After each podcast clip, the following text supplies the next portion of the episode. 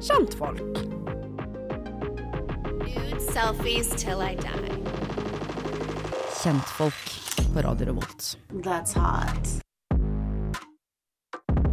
Og da er det ny uke, og dermed òg klart for ny episode av Kjentfolk. I dag så skal vi prate litt grann om først og fremst hva vi er opptatt av, og hva som har skjedd eh, siden sist. Jeg har egentlig tenkt å kalle det for et slags nyhetsoppslag, syns jeg vi har hver uke. Så det kan vi diskutere seinere, jenter. Eh, og så skal vi snakke om Nikki Minaj eh, og Megan, og de har beefa litt, så det blir spennende. Vi skal òg ta for oss Love is Blind Sverige. Eh, og så får dere noe under lupen med Will Smith og Jada Smith. Vet ikke om hun heter det lenger. Det kommer vi tilbake til. Dette blir gøy. I am so fab. Check out, I'm blonde, I'm skinny, I'm rich, and I'm a little bit of a bitch. Du hører på Kjentfolk på Radio Revolt. Og som alltid så er det jo Hillevi, og så har jeg med meg Hedda? Og Tora. Ja. Og Tora, har du lyst til å starte med hva du har tenkt på? Ja, jeg har en eh, gladsak med meg i dag. Fordi jeg føler det er litt sånn trend nå Eller det har skjedd mye i det siste at kvinner som for noen år siden ble på en måte bedratt av sin mann, nå har fått en jævlig glow up, og også en ny partner. Ja. Skjønner dere litt sånn hva jeg mener? For Ja. eksempel Kristin Gjelsvik. Ja. Ja. Ja. Og, eh, og Sigrid. Bonde Tusvik. Ja, for det var det jeg ville snakke om. Oh, ja. Fordi Ah, ja. jeg følger jo Sigrid Bonde Tusvik på Instagram, Mm. og nå for en uke siden så la hun ut noen nydelige, egentlig veldig stygge, men koselige bilder fra en sydenferie hun uh, har vært på, med sin nye kjæreste. Hvem er han nye kjæresten? Altså, han, jeg syns han er så kjekk, og jeg unner henne det så mye. Uh, han heter Annar Ruud Johansen, og han er en båtdesigner. Og han ser utrolig rik ut. Jeg visste ikke at jeg syntes båtdesignere var sexy Var det før litt. Det var litt sånn mm. Og han er veldig sånn Silver Fox-mann, og han bare ser ut som en voksen mann, i motsetning til Han der forrige slabbedask-typen hennes. ja. Nå kom jeg på hvem andre jeg tenkte på, forresten. Ja. Hun eh, Herregud, G-punktet. Oh, ja, Iselin Guttormsen. ja, det var de. Ja. Ja. Ja, hun De ble jo sammen med der. dansepartneren sin på Ja, Skal vi danse. de har alle glowa så opp og fått seg hyggeligere partnere, og det syns jeg gir så håp for at karma fins. Ja, ja, men det er veldig fint. Jeg, la jo så det merke til, ikke, ikke for å på en måte snakke ned dette hyggelige innlegget, men hun, hun redigerer bildene sine helt sinnssykt. Ja.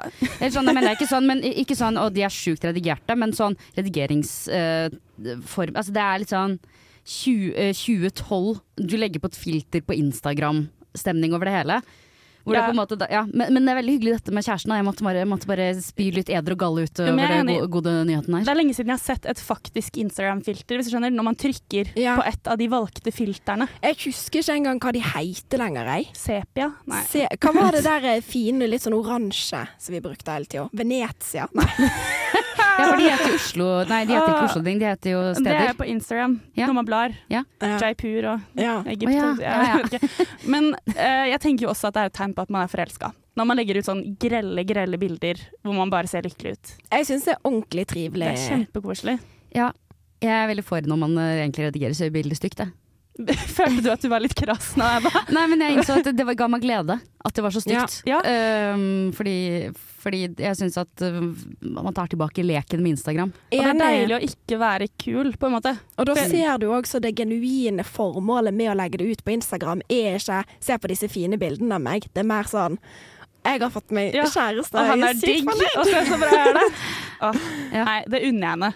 Ja, det er veldig stas. Ja, Good for her. good for her. Mm. Hedda, da? Har du, er det noe finurlig fra TikTok, eller er det Dette er kanskje min mest eh, kjedelige, kanskje. Men Oi. eh, Kjedeligere enn at Lillebjørn Nilsen hadde dødd? er det kjedelig plutselig nå? Nei. Faen, ice cold. Tora snorker seg gjennom hele Ja. den. Gjesp. Nei, unnskyld, Eda. Nei, det er, Del. vi, skal, vi er fortsatt i musikkverdenen, da, og jeg snakker om eh, min eh, favorittdame i hele verden, og det er Lana Del Rey. Ja. Uh, og hun uh, gjør noe jeg syns hun ikke Eller hun er i ferd med å gjøre noe jeg er veldig imot. Um, og det For barn. eh, Ja, jeg hater jo folk som får barn. Nei, eh, jeg er veldig imot eh, at hun skal slippe countryalbum. ja. Det er jeg så for. Ja, det er du selvfølgelig. Jeg elsker country. Jeg likte det også Lady Gaga sitt eh, Joanne.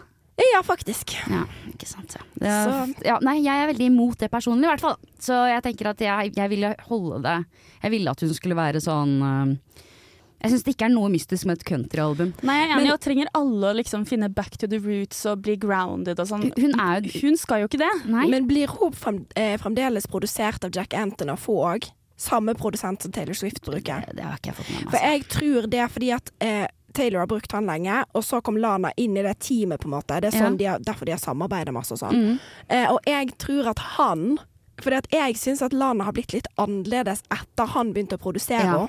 Og jeg tror, for jeg føler at hun har blitt kanskje mer main, litt mer mainstream, og det med det countryalbumet òg kommer til å være mer mainstream. Ja. Og jeg tror kanskje at det er Jack, fordi at det første albumet han produserte som Taylor Swift sitt, var 1989, som er det første sånn ordentlig popalbumet. Ja. Så han liker at folk blir mainstream, og det tror jeg er fordi Ja. han liker penger.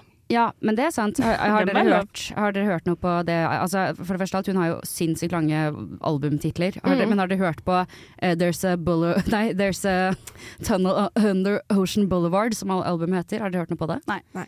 Det, er- det har gått eh, ganske mye Ja, men, men uansett, da. Eh, Men jeg, jeg skulle også si en annen ting også, og det er jo det at eh, Valentines også nærmer seg. Ja. Og har dere sett at uh, Lana Del Rey er modell for Skims? Oi! Hæ? Ja, ja, ja. Hun er modell for Skims, hun er, og det er kjempefine bilder. Men så, det gir litt mening, da. Men jeg er gøy. trodde at det ikke var lov hvis du har venninne med Taylor. Og de er venninne Lana Taylor. Å ja. Ja, nei, jeg vet ikke helt, ja, men hun har i hvert fall uh, Det er veldig Og en sviker. ja. Det er faktisk veldig, litt mystisk. Det er veldig on brand, på en måte. Det, oh, ja, det hun var- er, Ja, Ja. Her ser vi Lana Del Rey med et eple på hodet Ja, også. veldig flott. dette er eneste gangen jeg har hatt lyst til å kjøpe Skims-ting. Jeg har alltid lyst til å kjøpe Skims-ting. jeg. kjøpe Jeg, jeg, har alltid, jeg har alltid syntes at Skims-ting er dritstygt. Ja, men jeg vil ha det under ting. Jeg vil ha det Jo, det utenpå alt. Jo, jo, men jeg føler, jeg føler at Skims har blitt litt av høyhalse med noe Skims over. Ja. Men jeg, men jeg bare har problemer med, med Skims generelt, fordi jeg syns at Oi. det er sånn samme greie som eh, sånn som med eh, de derre Stanley-flaskene. Folk Ja. har det bare for å ha det, og så er det hvorfor? Har du sett den nye drikkeflaska mi, Hedda? Nå snakker vi om ting som egentlig du ikke kan se. Er den ny? Ja, den er ny. Ja, fordi at nå holder Hillevi opp en, eh, en, toliters to liters flaske hvor det står 'eight o'clock, chug it up', eller, eller Ja. sånne ting. Get started, Og det er sånn rosa. Sånn her er alle Ja. på videregående. Derfor må jeg òg ha en sånn. Syns du det fungerer? Um, Chugger du klokken åtte og Nei, jeg tror kanskje at jeg bare har den for at på en måte alle har sånn. Da vil jeg òg ha sånn. Men jeg er jo mer sånn jente enn dere, herregud. Det Jeg syns ikke, jeg syns ikke det. Jeg syns det er helt ålreit, jeg. Ja, men Skims og Stanley Cup, Ja. jeg er enig i at det er skrevet i samme font. Ja, det er nettopp det. Eh, men ja, det er det jeg har tenkt på i det siste. Eh, du da, Hillevi? Hva er det Du- du, har tenkt på i det siste? Eh, husker dere Charlie XCX? Ja. I got this feeling on a oh, ja. summer day Ikke var det Nei, er Nei! Icon of Pop. Men du tenker på Let's Ride. Ja, og, og så sier jo Altså, det er hun som har den der School Socks eller et eller annet òg. Ja, det kan godt hende. Samme det. Det er veldig gøy feil navnet til en artist du ikke kan noen låter på. Jeg husker henne veldig godt fra videregående. Ja. Da var jeg fan, for hun var litt sånn Hun var jo ikke grunge, men jeg tenkte hun var grunge, da. Ja. Ja. Eh, uansett. Hun har da fått ei liste av managementet sitt, mm. som hun har lagt ut på Instagram, mm. der det står for ti forskjellige ting hun bør gjøre for å på en måte få enda mer fart på karrieren. Hun har kanskje mista litt momentumet sitt, ehm, og har liksom nå bare blitt en av Hun mengden. har blitt stagnert, hun har stagnert, liksom? Ja, Ja. det må være lov til å si. Ja. Hun, var, hun var utrolig kul når vi gikk på videregående, som er jo nesten ti år siden. det er jo gøy at de kommer med dette nå, ja, ti år etter hun faktisk var Ja. Men ja. Og det som har skjedd eh, da, er at ja, hun har fått en liste, og jeg tenkte jeg bare skulle lese et par ting på den lista som managementet mener at hun bør gjøre. Ja, please gjør det. Uh, Charlie gets her nipples pierced at Clears. Eh, Charlie leaks a sex tape. Night Vision Gradient Camera Style à la Midnight in Paris. Paris Hiltons sextape. Dette har managementet skrevet til henne. Tuller du? Eh, skal vi se flere ting. Charlie for president. Charlie announces she's running for office. Nei, men det her er jo tull. Nei! Nei, nei. Um, og så er det full uh, ball gown in the middle of the tube. Mental breakdown and pouting. Nei. En pouting. Ja, jeg tror Det er jo på en måte grining. Eller sånn Nei, pouting er sutring. Ja. Sutre litt etterpå. Ja, nei, fordi de- prøver jo å gjøre den relevant. Da. For eksempel, eh, det er en sånn meme som går på TikTok nå. Der, eh, fordi at The Clairs er en litt sånn harry butikk som, eh, som, som også piercer ting, ikke sant? Ja. Og så er det masse sånne T-skjorter hvor det står sånn I got my nipples pierced at Clairs. Fordi det er litt sånn, sånn som når vi tar sånn pistolgun på en dårlig frisør, liksom. Ja. Og de mener at hun skal gå der og få nipplene sine persa, og da har masse paparazzier. Og da, jeg, Jeg skjønner ikke helt hva som skal skje da, men tydeligvis så mener de at da skal hun opp eh, Reise opp mot stjernehimmelen igjen. Jeg veit ikke. Jeg vet ikke. Men uh, veldig spesielt. Um, og det med sextapen, det er jo på en måte Det er 2023. Jeg skulle til å si det, for jeg synes det er veldig gøy at de bare har kommet opp med ting som allerede er gjort. Ja, for det er sånn og jeg Midnight også- in Paris var jo i Jeg vet ikke, det var tidlig 2000-tall. Og så Ja. føler jeg Hvis hun liker en sextape, da, så kommer folk bare til å være sånn Å, der er en artist fra 2010 sin sextape. Ja, og den kan like så godt være AI-generert. Ja, det er liksom sånn. Ingen bryr seg. Nei. Ja. Uansett, det var min nyhet, da. Stakkars Charlie, da. Håper hun kommer seg ut av dette Ja, har, skadelige forholdet. holdt jeg si. ja, men har dere noen tanker om hva hun burde gjøre for å holde seg relevant? Kanskje lage noe ny Ja. musikk. Steg én, lage noe kult. tenkt. Men hun er, jeg tror fremdeles liksom, hun er litt kul. Hun ser veldig kul ut og har kul Instagram og sånn, så jeg tenker sånn Jeg tenker at det er ikke noe krise, Nei. dette Men her. kanskje dette er det hun trengte, da? Eller sånn, nå snakker vi om henne. Det er sant. Faktisk så fikser hun det sjøl. Hun bare Det- liker lista det- og management hadde Ja. sendt og med ting hun skulle gjøre. For på den syvende eh, punktet så står det 'lik this eh, document'. Burde det, Crop burde this det. out and then Nei, men var det, var det det vi hadde, eller skal vi gå videre? Jeg føler meg fornøyd. Ja.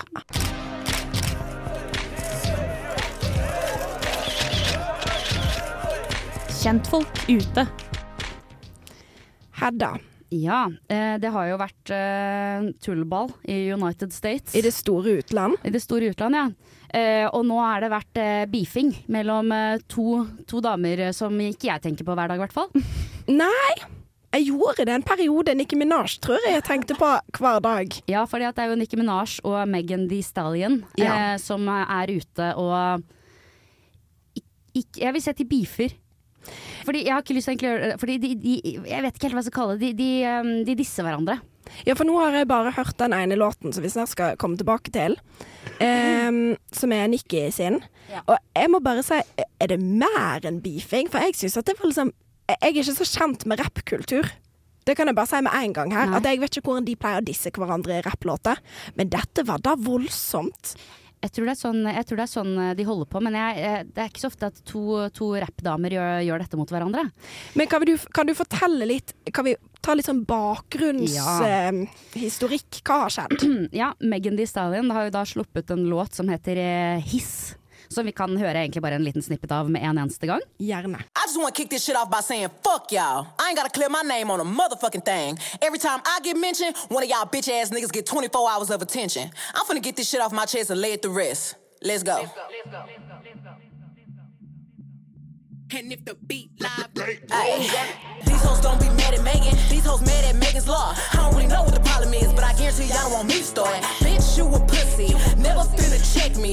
Every chance you get, bitch, your weak ass wanna dress me. Det var jo en veldig liten radioedit som jeg lagde. Det er jo selvfølgelig en eh, sang som er mye lenger. Nå tok jeg med refrenget. Og Ja. hvor, uh, hvor Fordi jeg Fordi uh, akkurat den linja uh, som hun sier 'Be mad at Megans law', er nemlig en referanse til at eh, ektemannen til eh, Nicki Minaj Han er jo eh, dømt for å være et, en drittsekk. Han, har vel, han har, en sex offender. en ja. sexoffender. Og Megans law eh, er jo en, eh, er jo en, eh, en lov i eh, USA hvor det da skal være offentliggjort med eh, sex offenders. Som da eh, som, Ja, så det kommer på en måte da til dette her. Og jeg vil også si at eh, han, eh, han kisen her, han har jo også broren hans har altså eh, voldtatt sin elleve år gamle stedatter også, Oi, oi, så det er et Da- dårlig gjeng, eh, for å si det sånn. Og eh, det lar jo ikke Nicki Minaj eh, gå fra seg. For hun slipper jo da en, en diss-track tilbake hvor hun svarer. Altså, dette her er forresten ikke hele Megan sin låt, handler ikke om Nicki Minaj. Det er mer andre ting også. Den er ganske mild. Den er ganske mild, og godt produsert og er liksom Ja, den heter jo Ja. Det var en kul låt, syns Ja. jeg, da. Ja, for hun snakker vel liksom om alle som noensinne har snakket stygt om henne eller brukt henne. Altså, det er liksom en diss til alle der ja, ute. det, er ikke, det er ikke en spesifikk Nicki Minaj-diss. Men uh, Nicki Minaj hun svarer, uh, og vi kan jo høre litt på, på hennes, uh, hennes rapp. Been true, been doing it, been at it. Your flow is such a bore. Drinking a bottle of honey through a straw. Bitch, you better stop the dialogue. Or I hit calling by your catalog. Sigh. How you fucking mother man when she died? How you gonna get a king and can't cry? Child, bye. Big foot, but you still a small fry. Swearing on your dead mother when you lie. Hey yo, this little begging whore talking about Megan's law. For a free beat, you can hit Megan raw. If you a ghost fighter, party in Megan jaw. Shot stone, but I still ain't let Megan score. Bad bitch, she like six foot. I call her Bigfoot. The bitch fell off. I said, get up on your good foot. Uh, still ain't top red booby. Tryna steal a source. I said, get up on my cookbook.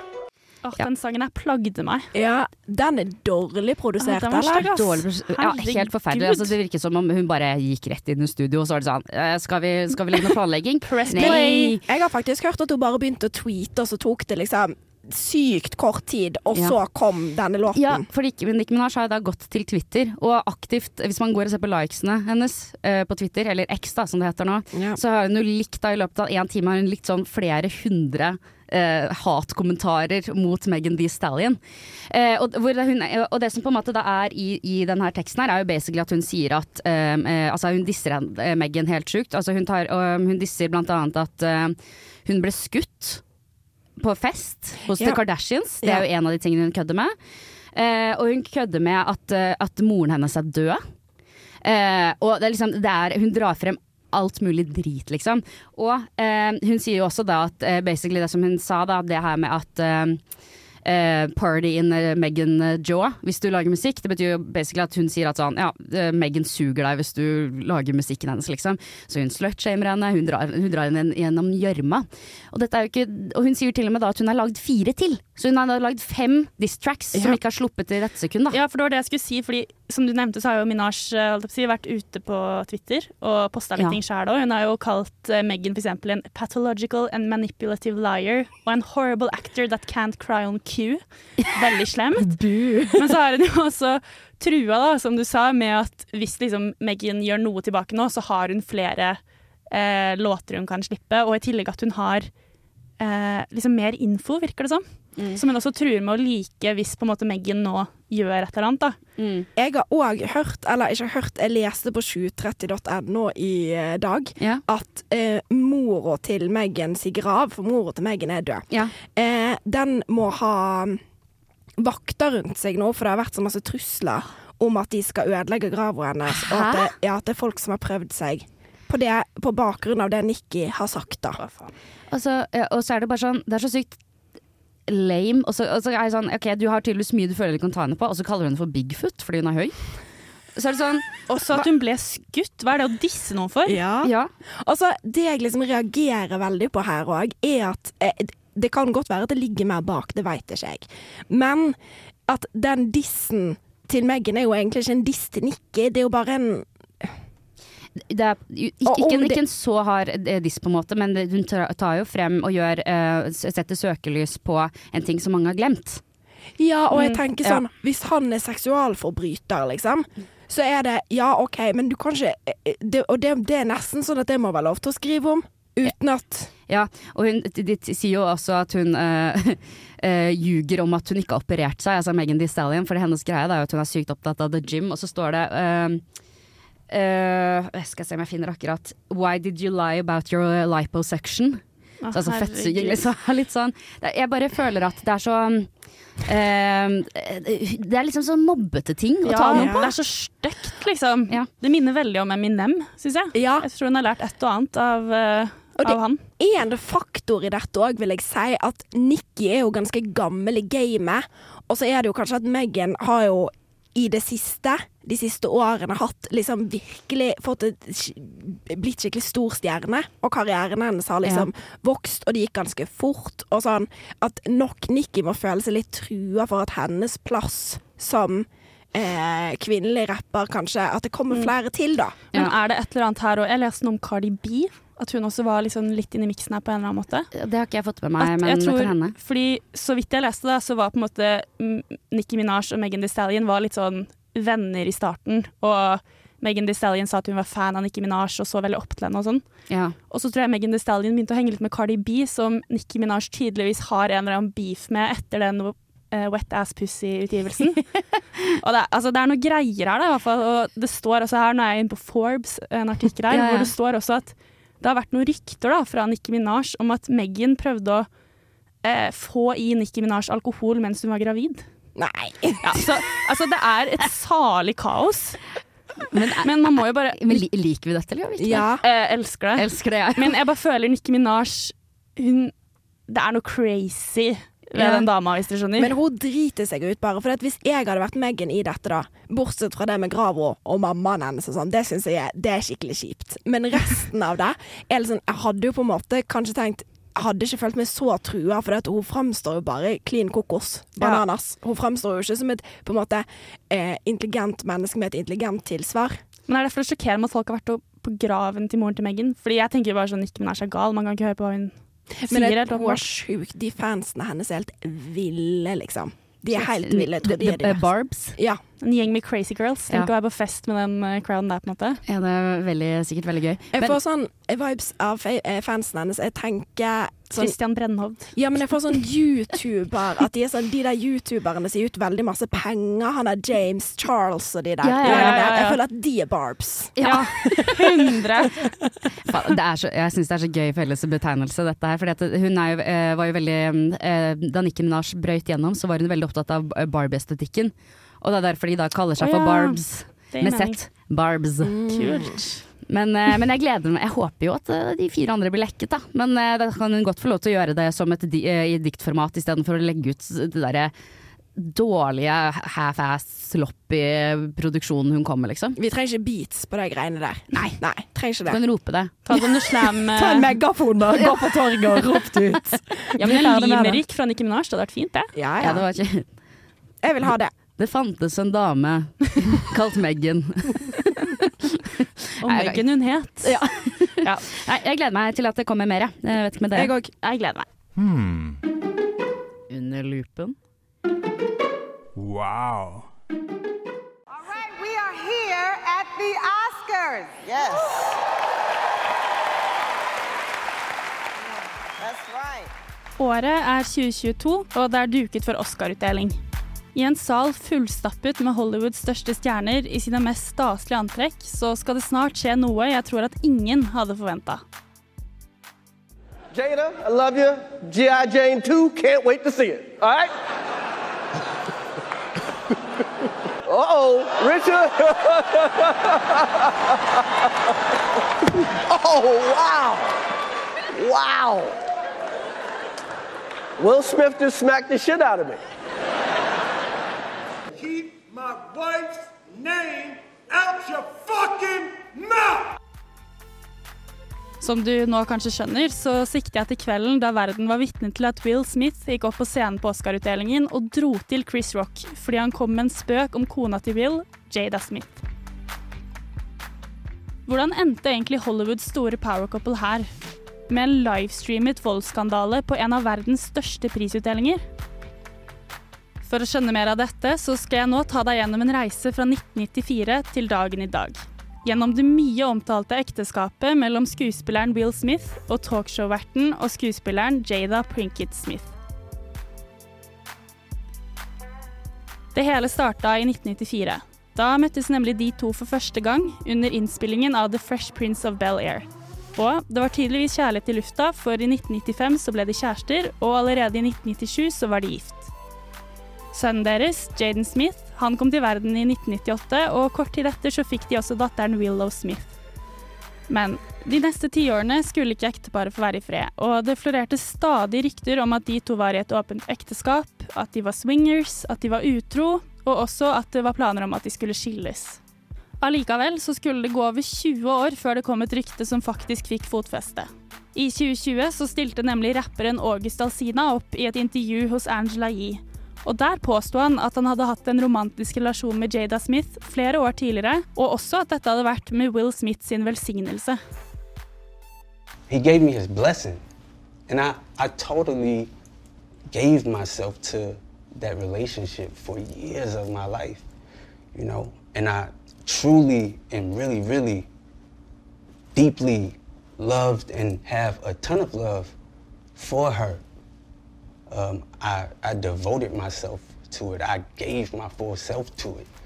I starten så nekta Will og Jada for at dette her var sant, men kun få måneder senere så bekrefta de at ryktene stemte, da de satte seg sammen på Jada sitt eget Facebook watch-talkshow Red Table Talk. I talkshowet så forteller Jada Smith hvordan hun møtte den 20 år yngre August Alsina fordi han var kompis med sønnen deres, Jaden Smith. Hun forteller også hvordan det hele begynte som et vennskap mellom henne og August, der hun hjalp ham med hans mentale helseproblemer, men at det så utviklet seg til et romantisk forhold. you know, to help pull them through. And from there, you know, you and I were going through a very difficult time. Yeah. And we decided. I was done with your you, ass. Yeah, you kicked me to I the was curb. done with you. Yeah. we Marriages have that, though. Marriages yeah, have that. Yeah, we basically we broke up. We decided that we were going to separate for a period of time, and you go figure out how to make yourself happy. From there, you know, as time went on, I got into a different kind of entanglement. Og hvis det er én ting vi har lært her i Kjentfolk, så er det jo at det kan være skummelt å involvere seg med folk som lager musikk. Det at Jada brukte ordet entanglement for å beskrive forholdet med August Alsina, det ble kjapt en meme på internett, og dette brukte Alsina da han senere i 2020 ga ut en låt om forholdet deres med akkurat denne tittelen.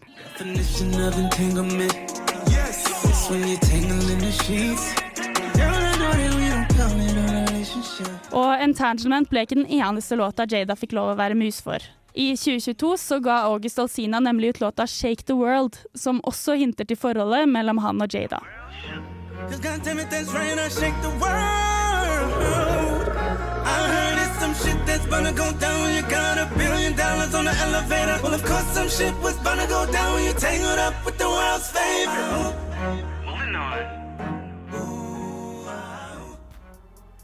Og sånn endte vi i 2022 på Oscar-utdelingen, med en Will Smith som vi da kan anta var ganske lei av oppmerksomhet og rykter om forholdet sitt, og som fikk utløp for følelsene sine på den måten vi voksne har lært at man aldri, aldri skal gjøre. Men tro det eller ei, merkeligere skal denne saken faktisk bli.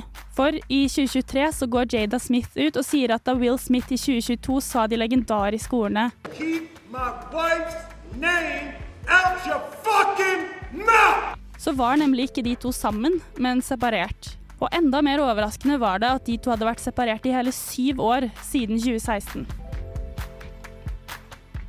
Som en liten cherry on the top så legger YouTube-kanalen Unwine with Tasha Kay bare måneder etter dette ut et intervju med en mann som går under navnet Brother Bilal, og som sier at han har vært Will Smith sin bestevenn i 40 år.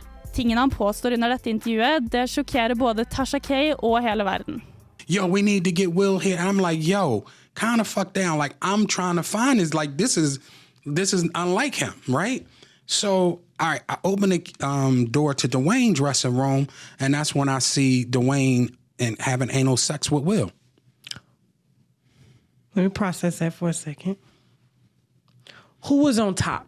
It wasn't a top. There was a couch, and um, Will was bent over on the couch, and Dwayne was standing up, killing him, murder, like murder. It was murder in there. Denne såkalte Brother Bilal påstår altså at han på innspilling så Will Smith ha sex med kompis og medskuespiller Dwayne Martin. Dette var Will og Jada kjapt ute og benektet, og de mener på sin side at Bilal bare var ute etter penger, og de har også truet med å saksøke ham. Og for nå så ender historien her. Det er jo vanskelig å se for seg at det er mulig å dra flere rykter ut av dette nå separerte ekteskapet, men om det finnes flere som Brother Bilal der ute, så er det fortsatt lov å håpe. Herregud. Altså, for en godtepose. Let me process that for a second. Det er akkurat den følelsen jeg sitter igjen med nå. Eller, vi må nesten ta en pust i Dette er noe av det sjukeste. Kan jeg bare først si hvor gøy at uh, spørsmålet hun dama velger å stille etter hun har sagt 'let me process that for a second' er 'who was on top'? There was no tap, there's only a couch. Was murder. Men er, det Dwayne, Dwayne The Rock Johnson? Hvem er det? Dwayne Martin. Jeg vet ikke. Altså, en skuespiller som jeg tror han spilte med i Fresh Prince of Bel-Air, kanskje. og de, altså, de har homosex. Dette no, altså, ikke at det i seg sjøl Man hadde jo få lov til å ha analsex med en annen mann. Ja, det skal da. ikke jeg legge meg opp i. Ja, nei, nei, Men hva, denne Bilal inni de greiene her Og nei, Men, men også hun frøken Jada med disse her, han der unge kompisen. Ja, for faen, The OG MILF. Ja, det var akkurat det jeg tenkte på. Veldig sånn eh, Mrs. Robinson-stemning på, på det der. Ja, for det er jo litt spesielt, må man si, at det er kompisen til sønnen, som jo er Barnet hennes. barnet hennes. ja. Det er på en måte ikke bare litt spesielt. Det er vel eh, helt sjukt. Det er ganske sykt. Og så høres det jo ut som han var i en veldig sårbar situasjon da det skjedde. Sånn, Ja. Det snakket han om selv også i dette intervjuet som vi hadde med et glipp fra, at eh, Nei, han bare snakker om hvor mye kjærlighet han har til henne, og, og det virker liksom som han ga seg selv veldig til henne, da. Og Oi.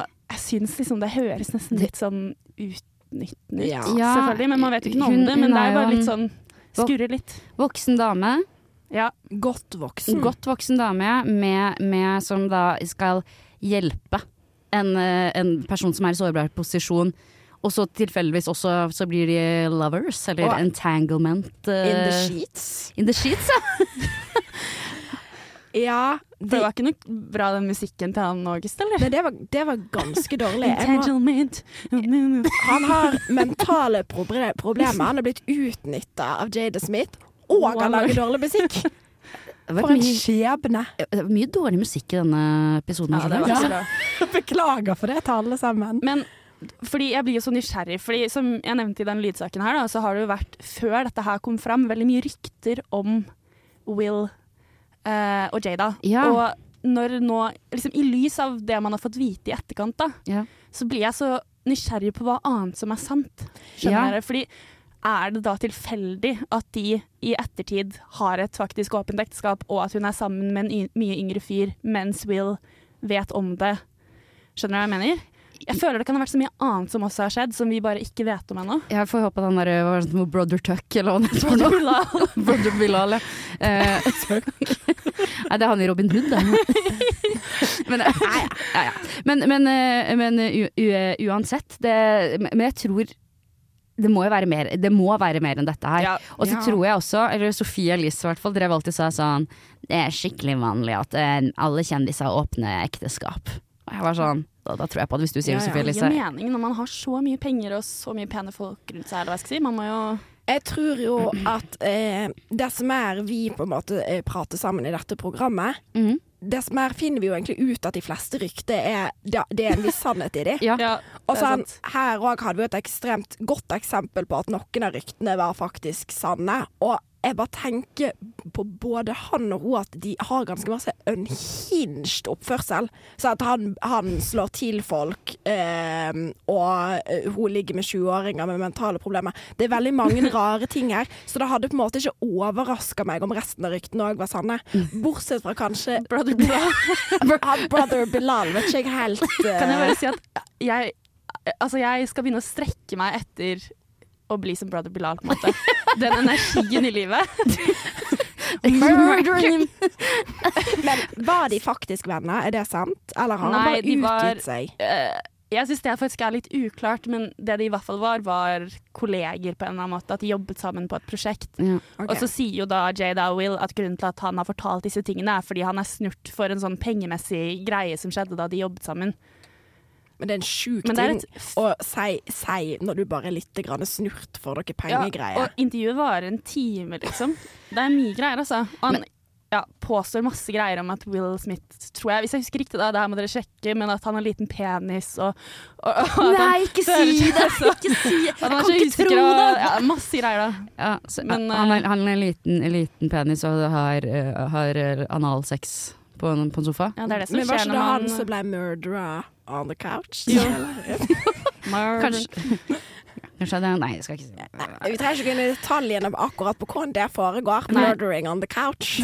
Men jeg har mine ideer. Altså, jeg unner noen en god murdering session, på en måte. Det må være lov, det. Ja, men det kan hende at han er, det kan hende at han er bifil. Ja, det er skal ikke legge hele gjengen, på en måte. Og hvis han har lyst til å ligge med Dwayne, så må han jo få lov til det. Jeg bare syns at det, var, det er bare en sjuk hevn å ta på noen. Liksom å melde seg frivillig til et intervju og så bare legge ut om små peniser og analsex Ja, og og hvis det er blank løgn, så er det imponerende, altså. Ja, veldig imponerende. Ja, det er urovekkende. Det Bekreftet bare med Det virker så troverdig, men ja. Men veldig spennende. Tusen takk, Tora. Vær så god.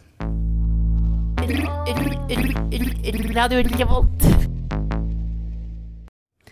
Ja, i eh, Søta bror er kanskje svensk. Nei. Jeg beklager for det. Men uansett, i Sverige så eh, har de starta opp med iallfall mitt En av mine store favoritter på skjermen. Eh, Love is blind. Bare for de som har hørt dette programmet før, vet mest sannsynlig hva Love is blind er, men jeg tar allikevel en sånn veldig kjapp gjennomgang over hva konseptet her er. Konseptet er at det møtes masse single mennesker. Jentene for seg, guttene for seg. De data i ti dager uten å se hverandre. Er konseptet. På slutten De sitter i sånne pods, da. Eh, som en vegg imellom, og så prater de sammen. Eh, på slutten av eh, disse ti dagene så er greia at da skal du fri. Ehm, så da frir mannen til dama, og så får du enten et ja eller et uh, nei. Som oftest et ja, er Ja. min erfaring. og så får du endelig se hverandre. Så blir du sendt rett til Kypros uh, for å være sammen i ei uke på ei slags bryllupsreise. Og så, etter Kypros, så flytter du inn sammen, og da skal du Da er det sånn tre Er det tre uker til bryllupet? Tar jeg Ja, rett nå, Tore? de nevner veldig mye tre uker, da. Ja. Tror jeg det. Så da skal du bo sammen i tre uker, før du da til slutt skal gifte deg. Og da finner vi ut om er kjærligheten virkelig blind. Ja. Ja. Fordi de får ikke lov til å se hverandre i løpet av ti dager. Nei. Ikke sant? Ja. Og da har ja. de liksom valgt sin livspartner da, basert på, eh, på dette. Ja. Og Sverige må jeg bare si. Jeg har sett eh, amerikanske, alle de amerikanske sesongene av dette. Sverige best til nå. Ja. Er det sant? Ja. Så Hands down. absolutt. Det sykeste Hvorfor er det så sykt? Nei, det skal vi jo på en måte komme litt inn på. Da. Jeg tror For det første så føles det jo bare mye nærere. Det blir liksom sånn veldig ekte i det det er noen som snakker et språk du forstår, og man skjønner Eller sånn For er Tora kan ikke engelsk. Jeg kan ikke Lærte seg aldri da hun gikk på Steinerskolen, så det var litt sånn Bare toavhengig og ja, Hun lagde sitt eget panal. Det tok veldig lang tid. Men så har de bare Og så hele eh, karaktergalleriet er så godt, da. Du har liksom han fyren som er et vandrende rødt flagg. Du har hun kristne snille. Du har eh, de som sliter med å finne kjemien fysisk. Du har de som egentlig liker noen andre bedre. Altså, de, de har Ja. De kryssa på alle punkter. Rett og slett alt. Og vi skal vel ja, rett og slett snakke om en av liksom, de store snakkisene fra denne årets sesong, da, som er han vandrende røde flagget. Vi har valgt å ta for oss Amanda og Sergio. Og det vi har lyst til å gjøre nå, skal vi introdusere det bare med et lite lydklipp. Ja, la oss gjøre det. Ja. Min person för jag vet att jag kan vara lite så här försiktig och blyg och lite så här annorlunda på vissa sätt. Men grejen är så här, jag, jag har skolios. Jag vet inte om du vet vad det är. Nej, vad är det? Det är typ så att ryggraden är eh, inte rak. Okay. Och antingen så typ stelopereras man eller så behandlas man med en korsett. Eh, och det hade jag under hela högstadiet typ. Det var ju den perioden jag också var mobbad. Men i efterhand kan jag tycka att, så här, att ja, men det, jag bevisar ändå något för mig själv. Att så här, du kan ta dig igenom allt liksom. Nej, men är det verkligen kärlek? Det kan ju bara du svara på. Exakt, och det är där mina tankar går. Jag tror att du kan tjäna på att ta upp det här ämnet med henne, prata på exakt vad du känner. Så här är läget, jag går orolig Ja, för det här. vad? Och lyssna Jag, för de jag känner mig lite avtänd att du sa att du var mobbad. Hur kan du säga det? Nej, exakt det är det jag säger. Nej, men det är bara helt befängt att du säger det. Det är ännu värre om du går och friar till en person som du tänker så om. Du låter som en mobbare när du säger Men mannen, nu, nu börjar jag bli lack på dig. Nej, Lys- men- Lyssna vad jag säger. Ja. Lys- Men försök okay. förstå mig. Ja, jag försöker Ja, förstå. ja. Jag ska försöka förstå på bästa sätt, jag lovar. Kör. Jag står och säger att jag skäms. Jag står inte och säger att det sättet jag tänker på är schysst. Jag skäms då jag säger. Vad ska du göra åt det då? Det är där jag inte vet. Det är det jag Det står liksom måste må du ta ett beslut kring nu. Jag känner mig till och med jättedålig i form av att här är nu en person som har öppnat sig.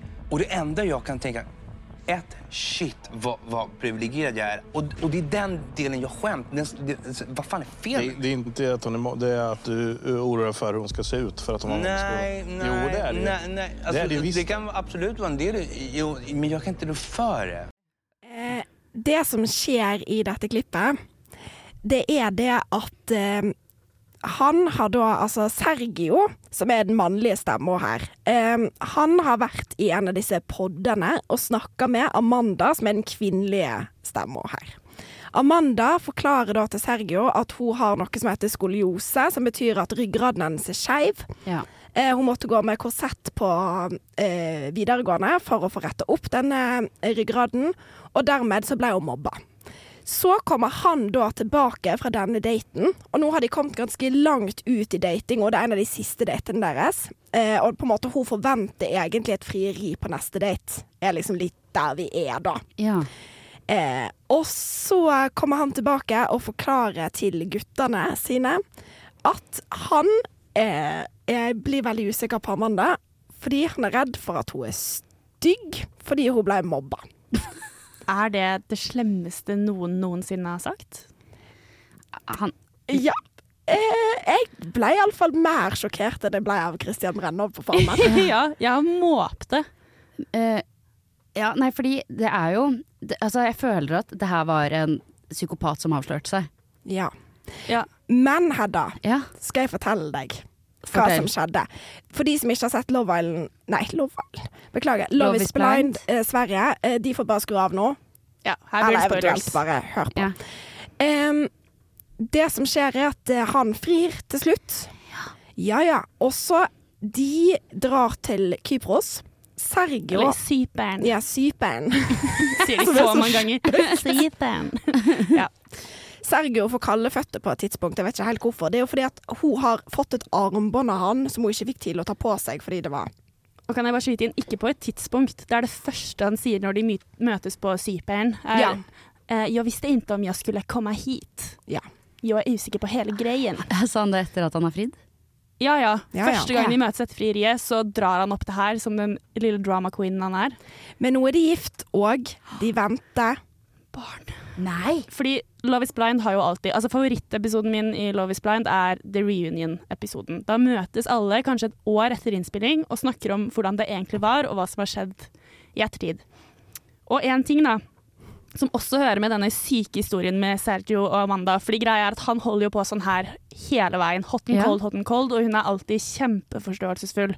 Hun er jo verdens mest tålmodige, kristne, søte menneske. Hun er det fineste mennesket. Hun er skikkelig Og hun er vakker, ikke, ikke minst. Utseendemessig helt nydelig slående vakker. Og det er ikke han heller. Ja. Nei, fordi jeg sitter og ser på bildene nå, og det er jo um, Det er en som ser ut som en, en mann i gata, og, Ja. og en, en nydelig kvinne. Så at hun er nydelig. Hun er Hun helt sånn nydelig. kristen. Eh, faren hennes er pastor.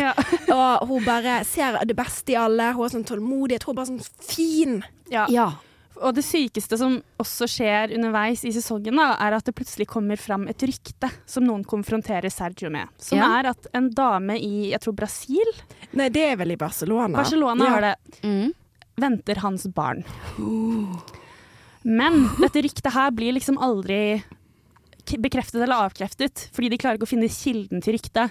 Nei. Så det her bare liksom surrer og går fram til dagen hvor de gifter seg, da, og så blir de jo gift. Ja. Men ett år senere, på The Reunion, så avslører da Sergio og Amanda nummer én at de skal ha sitt eget barn, altså hun er gravid. Nummer to at en kvinne i Sverige har født hans barn. Så det var et barn der ute? Det var et barn. Tuller du?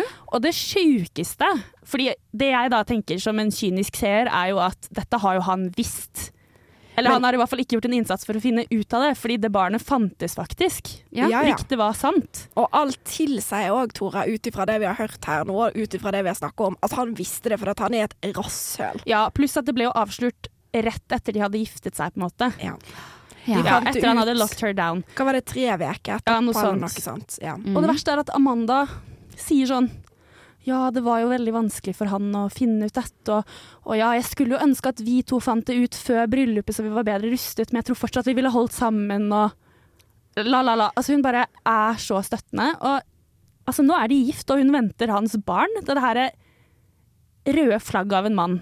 Altså, Forferdelig. Det er forferdelig. Og hun er økonom, og han er DJ. Og fotballtrener. Og fotballtrener. Og liksom sånn, jeg tror hun òg, fordi hun er veldig sånn, veldig personlig kristen og kommer liksom fram ganske tidlig. Mm. Jeg tror kanskje det er litt sånn at hvis hun har gifta seg, så må hun nok kanskje være gift. Det tror jeg, er jeg litt det inntrykket Jeg jeg tror hun kriger for et forhold, ja. Eller for et ekteskap. Ja, så hun bare tenkte at, at nå skal hun gjøre sitt gode her på, på jorden ved å være en trofast og god hustru, liksom? Jeg vet helt ærlig ikke hva, ja, hva hun får ut av det, på en måte. Sånn, fordi hun bruker jo så mye energi på å støtte han. Ja, Men, ja. men, men dette med den der hot and cold-greiene hans, det, det Mm. gjør også at folk eh, Altså det er noe som er skikkelig vanedannende for folk i, i sånne kjipe relasjoner. Det er derfor ofte folk blir så Fordi de går og bekymrer seg så lenge, og så plutselig blir de varme igjen, og da på en måte kommer det sånn utløsning av masse lykkehormoner i kroppen Mm. og bla, bla, bla, bla, bla. Så man, man, blir jo, man blir jo helt skadet av det, liksom. Mm. Ja. Og ja. man blir jo avhengig. Og ja, bare når jeg så på dette, så var det så mange andre Så du kan jo si noe om at sånn, hvis du melder deg på dette, er du litt spesiell, men det er noen jeg tenker, og dere er fine folk, liksom. Det var så mange andre fine menn som hun kunne gifta seg med, og sikkert hatt det kjempefint med, liksom. Ordentlige, fine menn. Og så valgte hun den der slabbedasken av en DJ som har et barn i Sverige, og nei. Jeg, er Og nå skal hun være bonusmamma for hans barn, liksom. Ja. Men herregud, det ser helt sinnssykt ut. Ja, altså, ja. Men min favoritt Altså, jeg har et favorittpar mm. fra denne sesongen. Det er Chrissy Lie og Rasmus. Ja, Rasmus. Chrissy Lie og Rasmus De finner egentlig tonen fra liksom første stund, og de er sånn Mhm. trofaste, fine med hverandre. Jeg liker den relasjonen veldig godt, og det er Chrissy Lie hun er veldig sånn på Amandas side, og prøvde hun som første gang eh, fortelle dette ryktet da, til Sergio om at sånn, det er noen Mm. som sier at du har et barn i Barcelona. Jeg vil si dette, for jeg vil beskytte Amanda. Og òg på reunionen så sier hun jo at Og jeg, fikk, jeg har et veldig sånn beskyttelsesbehov for eh, Amanda, og så sier hun på et tidspunkt Amanda blir i det minste verdens fineste bonusmamma. Og ble jeg bare sånn Å, stakkar Amanda. Og, også et veldig rødt flagg med han Sergio da, er jo at når de konfronterer han med det her ryktet om barn, så er det første han sier sånn Eller nei, fordi de forteller det til Amanda. Så sier han sånn Mm. Men hva med meg? Dette ryktet handler jo om meg også. Sånn, jeg har også rett til å bli snakket til og få vite og Ja. Som om og hun får ikke lov til å ha noen følelser rundt Nei, dette. Hun. hun kan ikke på en måte få noe informasjon eller håndtere dette Han- uten han. Da. Han høres jo han høres ut som en psykopat. Ja. Så, Nei, så, blir sånn, ikke, for å, ikke, ikke at jeg kan egentlig stille noe diagnose, jeg har aldri hørt, eh, sett, eh, sett denne serien her, men, men sånn, det høres helt sinnssykt ut. Men Hedda, fikk du litt lyst nå? Jeg fikk det. Du fikk litt lyst Jeg nå? fikk lyst til det. Men Ja. er, det, er det noen andre bra par, eller? Ja. Ja, det er mange andre. Skal vi, skal vi bare gå videre til neste par, og kjøre, skal vi høre et klipp bare aller først? La oss begynne med det. Okay. Hei, mitt hjertes frøyd og evige lengtan. Hei. Hei, mitt hjertes frøyd og evige lengtan. mitt hjertes frøyd og evige längtan. Åh, mitt hjertes frøyd og evige lengtan. Endelig! Mitt hjertes frøyd og evige lengtan. Ja, tack. Varsågod. Hur har du hatt det kveld, mitt hjertes frøyd og evige längtan? Ja, vær så god for den lille kavalkaden jeg har ordna til dere her. Ja, det er. Dette er altså Kristoffer. Eh, og Kristoffer han blir da sammen med Katja eh, i disse eh, poddene. Er det podde det heter? Hva? Ja, podder. Ja. Eh, og eh, eh, som dere hører, Kristoffer han er en mann med masse kjærlighet å gi. og det er altså denne setningen eh, 'mitt hjertes fryd og evige lengsel', som han da på en måte lirer av seg, både i tide og utide. Eh, og det som er gøy, er at eh, med en gang Katja og Kristoffer møtes for første gang og ser hverandre, så ser du skuffelsen i blikket hennes. Hun, er bare, hun, blir, hun blir helt dratt. Er det sant? Ja. Men hvor, hvor, hvordan ser det ut? Han har lilla hår. Ja, fordi jeg tror hun hadde Hun er veldig sånn søt, sikkert sporty babyjente, som jeg tror liker å være sammen med idrettsfyrer eller liksom streitere Ja, folk, liksom. Hun er jo en basic bitch, men veldig Ja. sånn pen. Hun har, et beige DM. Ja, og ut kommer Kristoffer da, med liksom, holdt jeg på å si, emoji-gensere og, og, og manbun som er lilla, på en måte. Nei, ikke noe galt i det, men det var nok kanskje ikke helt det Nei, jeg skjønner. hun så for seg. da. Og så er det jo så vanskelig i Love is blind, fordi de har jo så enormt press på seg å ikke være overfladiske. Så hun har på en måte null rom for å adressere dette eller si det selv til på en måte oss seere. da. Man bare merker det jo på hele henne, og det Ja. er så klaustrofobisk å se på, fordi man ser at hun kjenner på dette, mens han er dødsforelska. Og, han blir mer og mer desperat, for han Ja. merker jo Åh. vibesen fra henne om Han- at hun ikke er så interessert, og han blir så desperat. Så han bare legger på. Og det blir Jeg har aldri sett på en måte noen hver i, i ta hintet så lite. Fordi at sånn, hadde han roa seg litt grann ned, så kunne det kanskje gått bedre enn det gikk. Ja. For det gikk Ja. dårlig. Man får så vondt av dem. Fordi han ja, pøser på med komplimenter, sier hele tiden hvor vakker, fantastisk, søt hun er, mitt hjertes fryd og lengsel, holdt jeg på å si. Mens hun sier aldri noe tilbake. Oh, hun bare stivner. Uh, og som du kanskje gjetter da, så ender jo ikke det her bra. De er faktisk det ene paret som gjør det slutt før de kommer til bryllupsdagen. Og det ender litt stygt, eller? Fordi Problemet her da er jo at Kristoffer da føler at han har vært verdens snilleste, mest rause fyr i tre uker. Eh, og så når han på en måte metningspunktet sitt. Og da klikker det. blir han ikke så hyggelig. Og det, han, det er en scene der som jeg anbefaler alle å gå og se på, selv om dere ikke gidder å se hele sesongen. Bare se akkurat dette. De sitter da på ei sånn brygge ved ei slags elv eller et vann. Jeg vet ikke. Jeg kaller det et vann, jeg nå. Og på et tidspunkt da så ser han sånn inn i kameraet, intenst blikk, tar liksom av ringen i en veldig sånn demonstrativ, det er veldig sånn demonstrativt alt sammen. Og så kaster han den i vannet. Er det sant? Ja. Da er han forbanna. Da har han fått nok. Men det aller gøyeste som kommer fram i alt dette, det er OK, hun sliter med den fysiske tiltrekningen, og etter mm. hvert òg den emosjonelle, tror jeg, for jeg tror hun blir ganske lei. Ja. Men det viser seg at de har jævlig bra sex. De har masse sex. Er det sant? Er ikke det rart? Og han får henne til å komme hver gang, og det er Og dette snakker de om. Dette? Snakker de om. Å ja, for de har, selv om hun ikke er interessert i han, så Liker hun å ligge med han, da. Men, og det er jo lov, det, og det er jo litt det de skal teste ut også, på en måte. Men, ja, men ja, det er ja, også Nei, bare, bare sånn hvis, Jeg bare så for meg at hvis hun ikke var interessert i henne i det hele tatt, så tenkte jeg at de skulle på sånn At de dro på en slags platonisk ferie. Men de prøver, de prøver faktisk, da. Ja. Fordi det er jo mange Det er jo eh, noen par som gjør det i denne sesongen. Og jeg trenger liksom, det blir veldig mange karakterer her, så jeg bare sier det er noen par som gjør det Ja. Der det blir mer platonisk. De får ikke det helt til. Og de skjønner at sånn Nei, vi på en måte får være her litt mer som venner. Mens de to her, de, de prøver på en veldig sånn rar merkelig måte. måte. Og det blir jo også veldig vondt, for i det øyeblikket her hvor han kaster ringen ut på vannet, så sier han jo også til henne at han tror at den eneste måten hun klarer å vise kjærlighet, er gjennom kroppen sin. Ja. Og så sier han 'the bad guy always win'. Å, det er så cringe! Å, det er så cringe! Og den sannheten lever han sånn i. Og Ja. la oss ta dette videre da, til reunion-episoden. Ja. For der viser det seg jo at Katja har møtt en ny, bare kort tid etterpå, Ja. som også var in the pods. Som jo er en sånn kjekkas, litt sånn mer drittsekkaktig fremtoning-type. Og du ser at Kristoffer bare sitter og tenker sånn åh, det er så typisk. The bad guy guy always wins. Så ja. Nei, herregud, dette høres ut som en kjempe altså, Herregud, for en levering dere har gjort nå. Jeg ble så det? investert. Jeg er helt svett i hendene. Jeg, jeg, jeg blir helt svett av dette. Jeg gleder meg så masse til neste sesong. Og jeg må bare putte på en bitte liten ting i tilfelle de hører på. Rasmus og Krisili, jeg heier så masse på dere, og jeg tror på kjærligheten. Lykke til! Og kan jeg bare si én ting også før vi avslutter, som jeg jo sendte deg i dag, Kirvi. Ja, som er litt sånn ny juice da, fra Ja. utenfor på en måte TV-skjermen.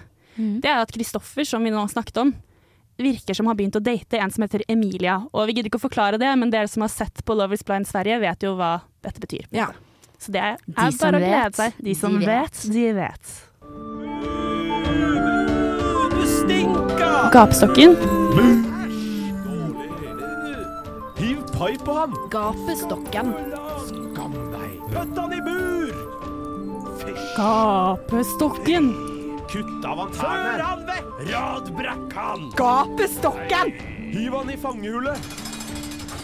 Gapestokken. Eh, da er det sånn at eh, vi har på en måte kommet eh, til veis ende, men først så skal vi som alltid plassere, eller ikke plassere, iallfall diskutere om noen skal i gapestokken. Til spott og spe på ja. torget, Trondheim torg, utenfor McDonald's der. eh, Tora, har du lyst til å introdusere dagens sak? Ja, fordi nok en gang så kan det hende at vi må ha to hull i den eh, gapestokken, altså. For det er altså to mennesker vi skal diskutere her i dag. Det er en eh, lav og rødhåret. Ravi? Og en Det er høy Ravi og blondhåret. det er Hedda. Ja. Eh, ja. Og det er da to gutter som nå har fått et nytt talkshow på NRK. Jeg tipper kanskje folk skjønner hva jeg mener. Det er nemlig snakk om gutta i Gaute-show. Ja. Um, og for dere som ikke har fått med dere Gaute-show da, og har levd under en stein eh, de siste dagene, så er dette et slags, en slags parodi på et talkshow hvor på en måte alt er gjort veldig sånn lavbudsjett og enkelt, og hvor disse to guttene da eh, inviterer inn norske kjendiser, og istedenfor å stille dem anstendige spørsmål, så eh, ja, kommer de med på en måte Hvordan skal man forklare det? De, de kommer jo Spir med ut fordommer og, og sjikane de, de, mot dem, de, på en ja, måte. du, du sier alt det du ikke skal si Ja. til et Ja. menneske til dem. Um, skal vi høre på klippet av det, eller? Ja, La oss. snurr i vei. Når skjønte Kan man si dverg, forresten? Du har jo vært i et voldelig forhold. Er det slik å tolke, ut ifra jeg har hørt litt podcaster og sånn? Var det du som slo? Nei, Var det, det var fysisk eller psykisk vold? begge deler. Begge deler, ja. Hva er verst? Seksuell. Seksuell vold, var det? ja? Slo deg med pikken, liksom?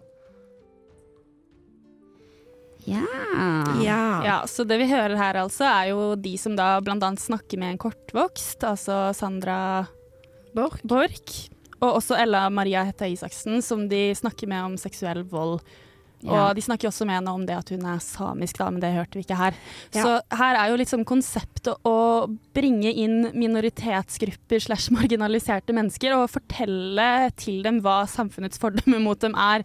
Sånn jeg tolker det. Og så er jo da poenget med å kanskje sette dem i gapestokken at dette programmet her har jo fått ganske mye kritikk. Det er veldig blanda tilbakemeldinger. Noen elsker det, mens andre syns at det her er langt over streken. I hvert fall for hva statskanalen vår skal ta inn og vise, da. Så lurer jeg egentlig litt på hva dere tenker, uh, jenter. Um, jeg, er, jeg er usikker. Jeg kjenner, jeg kjenner egentlig Ja, jeg er usikker. Um, altså, det har jo en del av kritikken har f.eks. vært en, en kortvokst eh, skuespiller som em, gikk ut mot dette og sa sånn Hei, hei, vi bruker ikke eh, dverg lenger. Nei. Eh, og jeg kjenner veldig inni meg at vi skal høre på de gruppene som blir støtt av det, på en måte. Det syns jeg er viktig, og jeg syns at det er helt lov til å kritisere. Og jeg syns at det òg er viktig, at vi Ja. kritiserer det. Og så tenker jeg jo alltid på hvem er publikummet for dette. Og jeg, altså publikummet for dette er jo egentlig de som forstår på en måte satiren, eller de som forstår at eh, humoren er humor på de som ville lagd humor på det, på en måte. Ja. Men så er jeg bekymra for at det ikke er det publikummet det alltid treffer. Så jeg blir jo bekymra for at det treffer 15 år gamle gutter som går ut og sier at folk er dverg som et skjellsord, og det er jo ikke OK. Så jeg, jeg syns det, er det er vanskelig. Ja, fordi det er jo en veldig klar eh, Altså, de har jo eh, basert seg litt på Eric Andre Show. Har dere Mm. sett det før? Nei. Og det er jo et show som, eh, som i det store og det hele altså det er jo det, det Studio ser cirka likt ut, de får en gjest, og så gjør de bare jævlig mye rare ting med de som er der. Men, men da er vi eksempel når de har hatt Mac DeMarco på besøk, så liksom kommer det en naken, eh, naken mann løpende inn og danser foran ham, på en måte. Og det er mer sånn type Ja, humor. surrealisme. Nettopp. Men dette her er jo ikke surrealistisk. Og det er heller ikke særlig gøy, spør du meg. Fordi hvis du først, hvis, hvis du først skal være ehm, ja, eh, Hvis du først skal være så, så frekk i kjeften på en måte med, med minoritetsgrupper, så bør det være litt morsommere. Ja, fordi ingenting av det de sier er jo originalt eller overraskende. Nei. På en måte. Og kanskje det er nok litt av poenget også, men ja, altså jeg, jeg føler meg litt sånn Jeg, jeg syns jo dette programmet er litt uh, Altså, jeg liker det ikke. Jeg syns for det første ikke det er gøy, for det andre så blir jeg liksom provosert av det. Fordi det er altså to, hva skal jeg si, hvite ikke-minoritetsgrupper som på en måte skal lage humor på andres vegne, føler jeg da.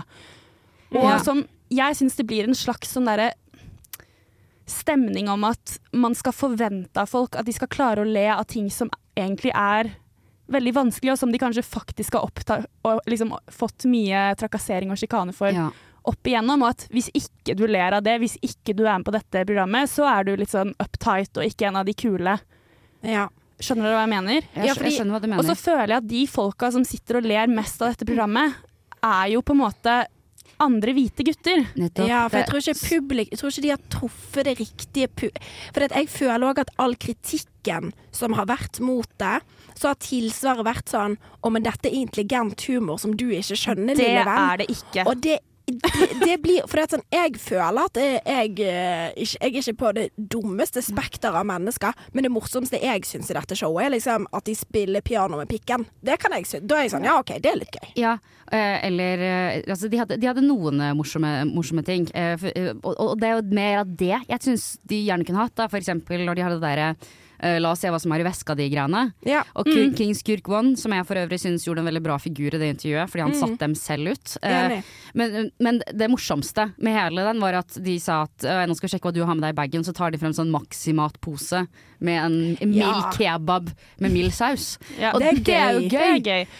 Og- Og det, liksom, det er det som er gøy der. Så altså, de, og jeg syns jo han Snorre for øvrig også er et veldig morsomt menneske. Ja.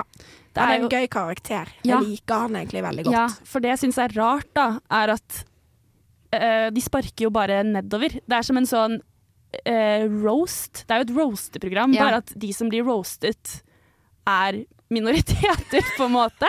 Og at man sier de mest åpenbare tingene som folk har mobbet dem for i all tid. Ja. Nei, Jeg- jeg, jeg, er helt, eh, jeg er helt enig i det. Og jeg syns ikke det er ja. Hadde det i hvert fall vært litt originalt. Ja. Det er jo bare eh, som om du har latt eh, ChatGPT lage 'Please, gi meg en generisk vits på funksjonshemninger', og så har de bare Ja. tatt det og, lest det høyt opp.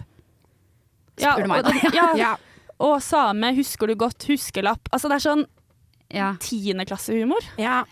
Altså, For jeg, jeg tror jo på en måte meninga er at det skal være morsomt i seg sjøl, at det er tiendeklassehumor og sånn, men jeg bare ehm, Jeg syns egentlig at begge to er ganske liksom De er, de er gøye og talentfulle og unge gutter som kunne gjort noe skikkelig gøy. Og det er sånn For eksempel de I starten av Kort Gaute-show så har de sånn heisscene der yeah. gjesten kommer inn i heisen, og så gjør de et eller annet i heisen yeah. der. Og det, for eksempel, kjempemorsomt. Det syns yeah. jeg er gøy. Da er jeg sånn, Dette er en god idé, det er originalt, det, det er gøy, på en måte. Men, men så etter det så føler jeg liksom at sånn em, Nei, talentet deres uh, wastes på de greiene Ja. her. Og så, og så jeg- eh, det det har jeg ikke tenkt på selvfølgelig, Tora, men det du sa om at det er NRK som har kjøpt dette konseptet, så er Ja. jeg litt sånn, det er jeg egentlig litt enig i. Altså For min del, altså trenger ikke å ta det av lufta for min del, men jeg Nei. bare lurer på hva er det NRK tenker på med satsingene sine om dagen? de treffer jo De treffer, De jo ikke ingen. noen. Nei, fordi det er det som er sånn Jeg mener på ingen måte at det her ikke skal være lov, på en måte. Å jo, det mener du. Kanselleringstora, som vi kaller det. Og jeg blir så redd for å si Nei, men uh, ja, jeg syns det er rart at det er her NRK velger å putte pengene sine. Jeg syns det er et lite inkluderende program, på en måte. Og jeg tror også at det her Fordi det var jo egentlig en veldig nisjegreie. Ja. Da, fordi det har jo vært et YouTube-show før, og jeg tror det funker bedre. Altså, dette programmet her er liksom lagd for undergrunnen. Det blir veldig rart idet det skal storproduseres hos NRK, og noen skal sitte i beste sendetid hos NRK og si disse tingene. Nå sa du, nå sa du akkurat Dette var helt Ja, Tora. Nå fikk du Ja, jeg er helt enig med deg. Nå fikk du sagt det. Fordi at jeg syns òg undergrunnshumor kjempebra. Vel og bra. De skal få lov til å være det, og de mener at de sprenger grenser. Ja vel, så bra. Da gjør dere det. Stå på med det. Men gjør det på YouTube. Der det, fordi der tror jeg, når det showet fantes på YouTube, så fant de sin gruppe. Ja. Og òg ei gruppe som eksempel, ikke for å oute noen her, men eh, min kjæreste syns at dette er veldig morsomt. Han syns at dette er noe av det morsomste i verden, og han så på det på YouTube før, på en Mm. måte. Og jeg tenker jo at han er en veldig snill og raus og inkluderende type som ikke syns noe stygt om noen. Men han er den rette gruppa, og han kan se på dette på Mm. YouTube uten at det blir farlig eller dumt for noen. Ja. Men Ja. når en gang det kommer på NRK, så treffer det et publikum. Da sier NRK 'vær så god, her alle sammen'. Ja, og, og, de, og de tar på en måte ikke engang Altså De har jo eksempel bare invitert folk som er kjendiser fordi de føler at, at det er deres problem. da eksempel det her med eh, Fetisha. Som de sier sånn 'Å, du er så tjukk', og så er det sånn Og så, ja, hun har vært tjukk tidligere, men hun er ikke så veldig tjukk nå. Men også, sånn, hun, hun bruker størrelse medium eller noe sånt. Men så- finn på noe nytt om Ja, Fetisha, da. Hun er jo så jævla teit. Si noe om den teite personligheten hennes istedenfor at hun er tjukk. Og det er det jeg syns er irriterende med dette programmet. Jeg tror det er derfor jeg syns det er så antigøy. Er liksom den, hele den der at de føler selv at de er så radikale og sprenger grenser. Det syns jeg ikke de gjør.